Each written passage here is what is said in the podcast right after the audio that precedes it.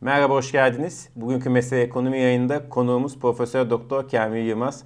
Kendisiyle tabii ki ekonomiyi konuşacağız ama özellikle e, dün akşamüstü saatlerinde başlayan e, devletin birçok e, kurumunun adı adı yaptığı açıklama furyasını konuşacağız. Ne getiriyor, ne getiriyor, ne değiştiriyor, bundan sonra bizi ne bekliyor onları soracağız. Kamil Bey öncelikle teşekkür ederiz haftanın son günü bize vakit ayırdığınız için.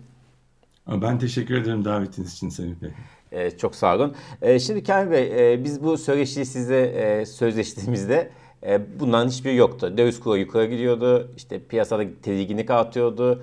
E, ama böyle adımların geleceğini bilmiyorduk. Doğrusu hep konuşulan bir şeydi ama ne geleceğini bilmiyorduk. Dün akşamüstü saatlerinde önce adım gelecek yani adımlar atılacak açıklaması yapıldı. Arkasına herkes e, akşam saatlerinde gece yarına kadar bunları takip etti. Ne zaman çıkanacağı belli değildi. Her zamanki biraz belgisizlik vardı ortamda. Ve sonra e, bir 10-15 dakikada bir işte SPK, BDDK, Hazine, Bakanlık hepsi hepsi kendi bünyelerini, kendi tasarruflarındaki tedbirleri açıkladı. Önceki bu strateji nasıl benimsiyorsunuz, görüyorsunuz? Yani önce bir açıklama yapacak açıklaması geliyor. Sonra açıklamalar e, biraz dağınık bir şekilde geliyor. Ondan sonra e, net olmayanlar da daha sonra netleşecek deniyor. Bunu nasıl önce bu konuda hakkındaki fikrinizi alayım sizin. Değişik bir şey çünkü. Yani bu e, bence tabii ekonomi yönetiminde görmeye alışık olmadığımız bir yaklaşım. E, genelde tabii eskiden de gördüğümüz çok acil durumlarda önceden üzerinde düşünülmüş, iyice detaylı bir şekilde tartışılmış paketler açıklanabilirdi, hazır edilirdi ve böyle durumlarda kullanılabilirdi. Ama en azından şu son yıllarda gördüğümüzde ise bir paket açıklanacağı zaman önemli bir paketse e, Sayın Cumhurbaşkanı Bakanlar e, Komitesi, Bakanlar Kurulu sonrasında açıklardı bunu. Ve o da tabii ki ne kadar önemli bir paket olduğunu gösterirdi. Yani dünkü sanki biraz böyle kurlar e, Cuma da değildi. Yani Cuma bugün yapılabilirdi belki o. Dün akşam biraz bakanlık aniden bir harekete geçip biz e, bir açıklama yapacağız, yeni bir paket açıklayacağız dedi ve hepimiz tabii akşam buna kilitlendik. Gece yarısına doğru geldi ve bunu ne olarak görüyoruz? Bir tarafta işte bu enflasyona endeksli bonoları, süper bonoyu bir şekilde şimdilik e, hala bekletiyorlar. Rafta kalmış gözüküyor. Onun yerine geçici olarak bu gelire endeksli senet diyebileceğimiz bir enstrümanı devreye sokuyorlar. E, o da işte 50 milyar ila 100 milyar arası deniyor ki gerçekten bu kadar geliri var mı bu kamudaki baktığınız şirketlerin geçmişte bunu iş edildiği zaman çıkarıldığı zaman senetlere hadi 50 milyar 100 milyar olsun ama piyasadaki TL'den kaçışı durdurabilecek bir enstrüman değil ve getirisi anlamıyla da olmayacağını tahmin ediyorum. Şu anda getirisi de belli değil. 15'inde belli olacak galiba 15 Haziran'da. O zaman göreceğiz. Bir de tabii diğer taraftan BDDK'nın açıkladığı biraz makro ihtiyati tedbirler. E, tüketiciler tabii çok rasyonel olanı yapıyor böyle bir dönemde. Kredi alıp harcıyorlar. Çünkü malların fiyatı artıyorsa o zaman en rasyonel olan nedir? Alabildiğin kadar kredi al ve al, alacağın arabaydı ya da neyse küçük büyük almak istediğin şeyleri önceden al. Çünkü fiyatı çok hızlı artıyor. Yani o anlamda %30'un üzerinde faiz bile versen tüketici kredileri %30'ların üzerinde işte 1-2 yıllık faizlere baktığınızda o bile bu enflasyon ortamında oldukça rasyonel yani. E, onu biraz kısıtlamaya çalışıyorlar. Orada olabildiğince işte e, 100 bin liranın üstüne 12 ay sınırı getiriyorlar. E, baktığınız zaman da kredi kartlarına %20 değil minimum %40. Bunlar tamamen makro ihtiyati tedbirler. Yani bana göre şu anda asıl sorunumuzu çözebilecek bir tedbir olarak görmüyorum. Ha bir de sermaye piyasası kurulunun getirdiği karar işte yabancıların yabancılara swap işlemlerin açılması. E, yabancılar şu anda bunun için gelir mi bekleyip göreceğiz. Şu anda risk primi bugün itibariyle 800'ü buldu galiba CDS'te. E, yabancılar böyle bir ortamda Türkiye'ye akın akın gelir mi? Bana göre hayır gelmez. Çünkü politikalardaki gidişte ne yazık ki bir geri dönüş ya da bir stabiliteye ulaşacağımıza dair bir sinyal vermiyor. E, stabiliteye ulaşmayacağınız yani görece durgun bir ekonomik ortama ulaşmayacaksanız yabancı gelip burada ekstra risk alıp o riskten kazanmayı düşünür mü? Yani o da çok büyük meblağ geleceğini sanmıyorum. Tam da bu noktada tam da bu noktada siz CDS'i söylemişken onu da sorayım size. Şimdi CDS primleri zaten çok hızlı yükselmişti. 700'lerin üzerindeydi. Dün 765 seviyesindeydi. Ee, bugün 800'lerin üzerine çıktı. Ee, Eurobond faizleri de çok ciddi buna paralel tabii ki yukarı çıkıyor. %10 üstlerinde. Ee, bu çıkan pakete esasında e, tabii döviz kurlarında biraz da müdahale oluyor ama CDS tamamen o konuda e, özgür iradesi hareket eden bir yer. E, niye beklentiyi mi karşılayamadı yoksa adımlar ciddi mi bulunmadı veya bundan sonra atılacak adımlar hakkında şüphe mi oldu? Niye CDS'lerde bir negatif bir ki döviz kurlarında da e, önce düşmüştü 6.80 16.80'e kadar şimdi yine dünkü seviyelerinde hatta üstünde. E, niye burada piyasara veya işte e, ekonomiyi takip edenler bu kararlardan yeterince mutlu olmadı? Yani çünkü bu kararlar e, te, doların yönünü değiştirmeyeceği yönünde bir o beklentiyi değiş yani yine dolar yukarı yönlü gidiyor. Çünkü geliri endeksi senet nedir? Bir ölçüde tasarrufun bir kısmını oraya çekmek, yüksek getiri vermek. Ama bunun e, meblağ olarak işte 50-100 milyar bana göre çok düşük. KKM bile 901 trilyon arasında, 900 milyar 1 trilyon arasında. Yani o bile tutamıyor piyasaları. E, sadece bu 50-100 milyarlık bir paket mi tutacak? O bence ciddi bir soru işareti ve getirisi de belli değil. Yani getirisini de söylemiyorsunuz. Getirisi enflasyonun altında olma ihtimali çok yüksek. E, KKM'nin yani mevduatlardan TL mevduattan biraz daha iyi olabilir. E, şu anda zaten kimse TL mevduat tutmuyor ki yüzde onlara inmiş durumda. E, böyle bir durumda e, niye insanlar dövizden çıkıp tekrar bu gelir endeksi ta, e, senetlerden alsınlar?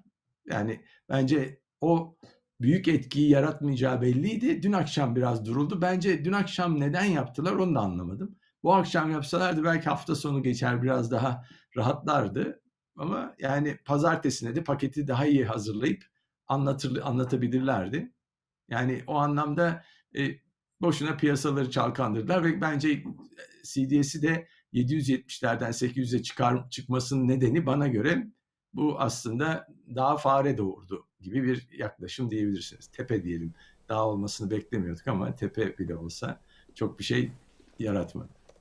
Peki buradan şunu sorayım. Bundan sonra şimdi e, yine bakanlık açıklama yaptı. Bundan sonra dedi e, devam edecek adımlarımız. Zaten dünkü yapan açıklamada açıklamada bunun bir CCR olduğunu ve sürekli devam edeceği söylenmişti. Siz bundan sonra hangi adım bekliyorsunuz? E, sizce e, bundan sonra hamle ne olacak? Çünkü anladığımız kadarıyla e, yani işte faiz politikasını e, değiştirmek yerine e, bu tip e, yan farklı şeylerle işte enstrümanlarla veya yeni kurallarla bu işi olabildiğince kontrol altında tutmaya çalışacak iktidar. Çünkü şey de yaklaşıyor, PPK da yaklaşıyor. Çünkü onun öncesinde muhtemelen gerginlik artacaktır piyasalarda. Nasıl yaklaşıyoruz? Bundan sonra sizce ne adım atır en azından Merkez Bankası'nın faiz kararına kadar önümüzdeki iki haftada? Yani ben Merkez Bankası faiz kararı yaklaşıyor deyip piyasaların ondan dolayı herhangi bir e, oynaklık artacağını düşünmüyorum. Çünkü Merkez Bankası indirmeyecektir. Onu biliyoruz. Bu ortamda yani Sayın Cumhurbaşkanı indiririz dese de bu yani gerektiğinde indiririz, zamanı geldiğinde indiririz olarak algılıyorum ben onu. Şu anda indirme indirirlerse gerçekten e, büyük bir e, kaçış olur TL'den. Onu yapacaklarını sanmıyorum. Ama e, bakanlığın açıklamasını okuduğumda e, yani ilk açıklamada da paket açıklayacağız deyip açıklanan paket bu kadar zayıf olunca bundan sonra yapacakları da ben e, iş kontrolden çıkmaya giderse yani kur artmaya devam ederse bir işte diyelim 18'lere doğru çıkarsa o zaman ellerinde çok fazla enstrüman kalmıyor. Yani enflasyon üzerinde bir getiri verebilecekleri bir e, enstrüman yok. E, bu da sonuç itibariyle enflasyon artarken siz getiriler düşük kaldığı sürece TL'den kaçış devam edecek. Yani bu ne demek? Döviz kuru artacak demek. E, yani o anlamda durdurmak hiç de kolay değil ve ben tekrar söyleyeyim yani enflasyona endeksi tahvil ya da bono getirseler de süper bono bununla da durdurmak uzunca bir süre durdurmak kolay değil. Arka arkaya diyelim işte aylık bir belirli montanlarda çıkarmaları gerekecek ve bunu tekrarlamaları gerekecek. Yani o da faizi tekrar reel faize doğru çıkarmış olacak. Yani mali sektöre etkisi de ayrıca tartışmalı. Çünkü mevduat çıkışına yol açacak. Mevduat çıkışı gibi borsadan da ciddi bir çıkışa yol açabilir. Öyle tehlikeler de var. Yani bütün bunları düşündüğünüzde e, giderek alan daralıyor. Yani hükümetin alanı daralıyor. Ben onun için diyorum. Yoksa ben siyasi bir e, yorum yaptığım zaman siyasi yorum yapmıyorum. Ekonomik yorumlarımda yani seneye taşımaz bu ekonomi dememin nedeni bu. Alan, oyun alanınız daralıyor. İşte böyle açıklamalarla, arkasından net olmayan paketlerle tutamıyorsunuz. Her seferinde bir üst seviyeye çıkarıyorsunuz ve o ne oluyor? Daha önce dolar alamamışlar. İşte 16.80'den belki gece alma imkanları varsa ki e, bireysel yatırımcının yok o anlamda. Belki o dönemde alanlar olmuştur. Kim de aldı bilmiyorum. Ama bunun giderek hükümetin önündeki alan daralıyor. O da yani seçimi öne çekmek anlamına geliyor benim açımdan. Bu alanı genişletmesi mümkün değil mi? Yani siz görebiliyor musunuz? Yani şu anda enflasyon yukarı yönlü. Yani TÜİK her ne kadar TÜİK'in son e, bir ölçüdeki müdahalesi 2.98 bütün beklentilerin çok altında. Haziranda bir buçuk bile gelsin, gelebilir. Yani atıyorum onu tabii ama işte, meyve sebze fiyatları düştü denip e, daha da düşürülebilir. Ama artık buna inanmayacak insanlar. Yani şu anda biz enflasyon patikası olarak aylık yüzde beş civarında gidiyoruz. Beş ve üzerinde gidiyoruz. Bunu benzin bu kadar, petrol bu kadar artarken, elektrik, doğalgaza zam yapmışken siz, e, bunun bütün e, diğer mallara, taşımaya, her şeye, maliyetlere nüfuz ediyor. Onları da etkiliyor. E, böyle bir durumda enflasyon yukarı yönlü. Enflasyon yukarı yönlü olduğu ortamda da e, faizleri siz olduğu yerde tutarsanız TL'den kaçışı durduramazsınız. Yani gerçekten e, ucu görünen bir e, yol ama gidilecek bir yol değil. Onu söylemek istiyorum. Bu yol pek e, sonu hayırlı bir yol değil. Peki buradan şunu sormak istiyorum. Şimdi e, işte faiz artışı ve süper bonoyla faizleri arttırma giderebilir ve normal faiz politika faizini arttırmak çok zor. Veya hiçbir şey yapılmayıp işte böyle küçük tedbirlerle döviz kuru sürekli yukarı giden bir senaryoda da yaşayabiliriz. Siz bu iki senaryoda da yani ciddi bir müdahale e, rasyonel ve olması gereken bu noktadan sonra olması gereken ciddi bir müdahale veya böyle küçük tedbirler gittiğimizi düşünürsek İki senaryoda bir ani duruş riski görüyor musunuz ekonomide? Yani ben seneye kadar kalırsa ekonomi seçim ani duruş görüyorum. Yani kurda ciddi sıçrama, TL'den çok daha ciddi kaçış o, o riski görüyorum. Onun için seçimi öne almaları yani seçim yasası her ne kadar işte seneye geçerli olacaksa da MHP baraj %7 e, gelecek sene geçerli olacaksa da e, ortak MHP'yi de ikna edip Kasım'da gidebilme ihtimalini ciddi boyutta değerlendirmeleri gerekecek. Yani bu şu anlama gelmiyor tabii. Kasım'da yapılsa da seçim kazanılır kazanılmaz anlamında çünkü yüzde bana göre yıl sonuna doğru 3 haneye doğru giden bir enflasyon e, yani TÜİK'in oynamadığı varsayım altında e, böyle bir ekonomide iktidarın seçim kazanması hele açık açık itiraf etmişse bakan biz enflasyonla büyümeyi tercih ettik diye iktidarın seçim kazanması mümkün değil. Yani en azından şunu görmeliler. 90'lı yıllarda yaşadığımız e, o kısa dönemli popülist politikalar hız aynı enflasyonla büyümeydi. Tamamen o zaman kredi bu kadar genişlemesini sağlayamıyordunuz. Çünkü dışarıdan sermaye girişi yoktu. Kamu harcamalarını arttırıp, kamu borçlanmasını arttırıp bir kısmını Merkez Bankası'ndan finanse edip bu yolla büyümeye gidiyordunuz. Ve bunun her seferinde sonucu iktidardaki parti oy kaybına uğruyordu. Ne oluyordu? İşte ANAP birinci partiyken ne oldu? koalisyona düştü. Tek parti iktidarından koalisyon oldu. Ondan sonra en son ANAP'ın geldiği yer biz hepimiz biliyoruz. Üçüncü parti oldu en son koalisyonda ve en son 2002 seçimlerinde de barajın altında kaldı. Yani popülist politikaları izlediğiniz sürece bu bakan diyor işte büyüme bizim önemli biz büyümeyi istiyoruz diye. Yani büyüme bizim iktisatçıların anladığı büyümeyle siyasetçilerin popülist siyasetçinin anladığı büyüme farklı. Onlar seçime kadar büyüme. Seçime kadar biz ekonomiyi büyütelim, onunla biz seçime gidip kazanalım. Biz iktisatçıların anladıysa uzun vadede büyüme, sürdürülebilir büyüme, istihdam uzun vadede istihdam yaratan ve ama ağırlıklı olarak da rekabet gücünü arttıran, verimliliği arttıran büyüme. İkimiz farklı alan kanallardayız o anlamda. Biz e, o anlamda biz eleştiriyoruz hükümetin yaklaşımını popülist olduğu için. Ama onlar da bizi işte her türlü şeyle suçlayabiliyorlar.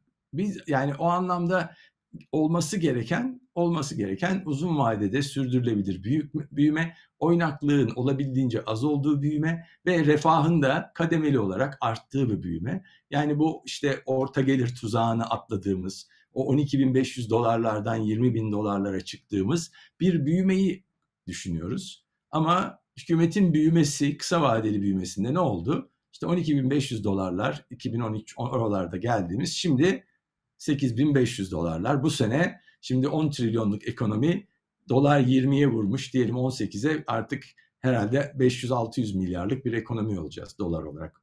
10 trilyon TL'lik ama 500-600 milyar dolarlık bir ekonomiye düşmüş olacağız. O da kişi başına düşen gelir anlamında siz düşünün yani 7 bin dolarların bile altına düşmüş düşme ihtimali. Evet.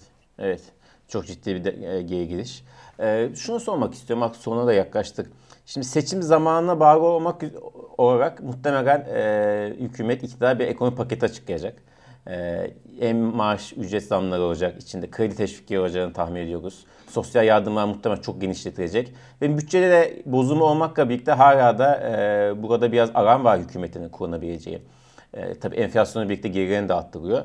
Burada çok ciddi bir e, geniş yani parasal genişleme yapılırsa, teşvikler olursa, işte e, sosyal yardımını arttırırsa e, ekonomide ne yaşarız? Yani ben 2-3 aylık bir sürede ne yaşayacağız yoksa uzun vadede ne yaşayacağımız belki de e, sonuçta şu bir gerçek ki iktidar seçimlerden önce 2-3 ay işte 4 ay neyse kendi zamanlamasına göre çok ciddi bir e, şey yapacak, hamle yapacak ekonomide. İnsanları rahatlatmak özellikle orta ve alt geri, daha geri grubu rahatlatmak için. Böylesi bir hamle bize 3-4 ay ne yaşattı? Yarancı bir barar mı yaşattı yoksa kontrolü tamamen yitirme mi yaşattı? Ne görürüz? Yani bunu aynen yılbaşındaki gibi düşünebilirsiniz. Asgari ücrete yapılan zam dönemiyle bağlı aynı dönem baktığınızda. E, ilk başta e, olabildiğince herkes memnun %50 zamla. Yani bir ölçüde reel ücretler artmış gibi gözüküyor ama bu birkaç ayda hemen erozyona uğruyor. Çünkü enflasyon artmaya devam ediyor. Çünkü yaratılan, getirilen bu tedbirler sonuçta talebi daha da güçlü tuttuğu için e, fiyat artışlarını da imkan sağlıyor. Çünkü üretim maliyetleri artıyor. E, şirketler de üret, artan üretim maliyetlerini yansıtıyorlar. E, böyle bir durumda bunun belki ilk bir iki ay olabildiğince bir işte popülarite de artabilir. Kamuoyu yoklamalarında iyi de gidebilir. Ama ben e, geri kalan dönemde bunun sürdürülemeyeceğini düşünüyorum. Tekrar yaşadığımız gibi e, ve buradaki tabii varsayım şu. Kurda bir atak olmayacak. Şimdi bu politikaları uyguladığınız zaman kura daha TL'den çıkış daha da artabilir. Yani burada kısıtlama o. Geçen yıl başında olan neydi? KKM ile biraz kuru tuttular ve o zaman bu genişlemeci politikaları uygulayabildiniz. Ama şimdi genişlemeci politikaları uygulayabilmeniz için sizin ek enstrümanlara ihtiyacınız var. İşte doğrudan enflasyon endeksli tahvilleri ya da bonoları getirseniz bile yani bunların bir etkisi olacak bir ölçüde TL'yi bir ölçüde tutacak. Çünkü reel faiz ya da en azından eksi negatif faiz vermeyeceksiniz. Böyle bir durumda e, ilk birkaç ay bence etkili olabilir ama sonrasında e, olumlu bir sinyal vereceğini sanmıyorum. Çünkü yine reel gelirler düşmeye başlayacak. E, getirilen etki, politikaların etkisi hızlı bir şekilde kaybolacağını düşünüyorum. Evet. E, takip ediyor olacağız. E, bakalım ne olacak.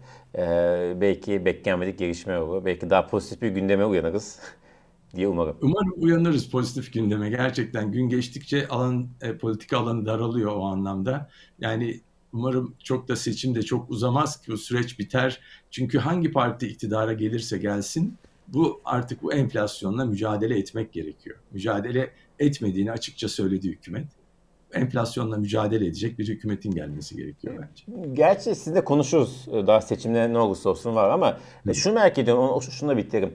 Kasım'da olsun, Ekim'de olsun veya zamanında olsun.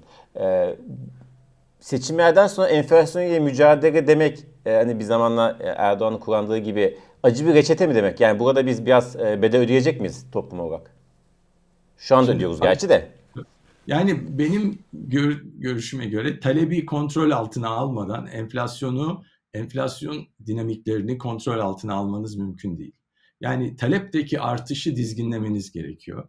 E bunun yolu da elbette ki faiz artışı gelmesi gerekiyor. Tek başına faiz artışı yeterli değil. Yani sadece sıkı para politikası, makro ihtiya bunun yanında makro ihtiyati tedbirler artı maliye politikaları. Ama maliye politikalarının da özellikle bu gelir destekleri çünkü orada ciddi boyutta işsizlik, gelir daralması söz konusu olacak. Ama bu sefer enflasyonla mücadelenin maliyetini yine çalışan sabit gelirli kesimlere bindirmememiz lazım. Çünkü biz 90'lı yıllarda, 2001'de, 80, 94'te hep böyle yaptık. Reel ücretler %30-35 düştü, enflasyonu kontrol altına aldık. Reel ücretler gene düşebilir ama doğrudan o de, kamudan destek verilmesi söz konusu olabilir. Gelir desteği ve bunu e, biliyorsunuz 2020 Covid kriz zamanında da kamunun direkt gelir desteği verilmesi lazım diye iktisatçılar söyledi yapmadılar. Kamunun burada bir şeyi var. Bu gelir desteğini verme konusunda isteksizliği var. Onu umarım bu seçimden sonra enflasyonla mücadele döneminde verilir. Yani sıkı para politikası, sıkı maliye politikası ama gelir desteği mutlaka maliye politikasının içinde. Başka alanlarda sıkı, vergi konusunda ciddi sıkı ama gelir desteği konusunda özellikle o direkt gelir desteğini sağlayabilecek bir maliye politikası gerekiyor. Çok teşekkür ederiz Kamil Bey. Çok sağ olun. E, gündemi özetlik haftanın son gününde. E, dediğimiz gibi ilerleyen dönemlerde atılacak adımları, e, yaşanan gelişmeyi tekrar sizinle yorumluyor olacağız. Çok teşekkür ederiz. İyi hafta sonu. Ben teşekkür ederim Sinan Bey. İyi günler. Görüşmek üzere.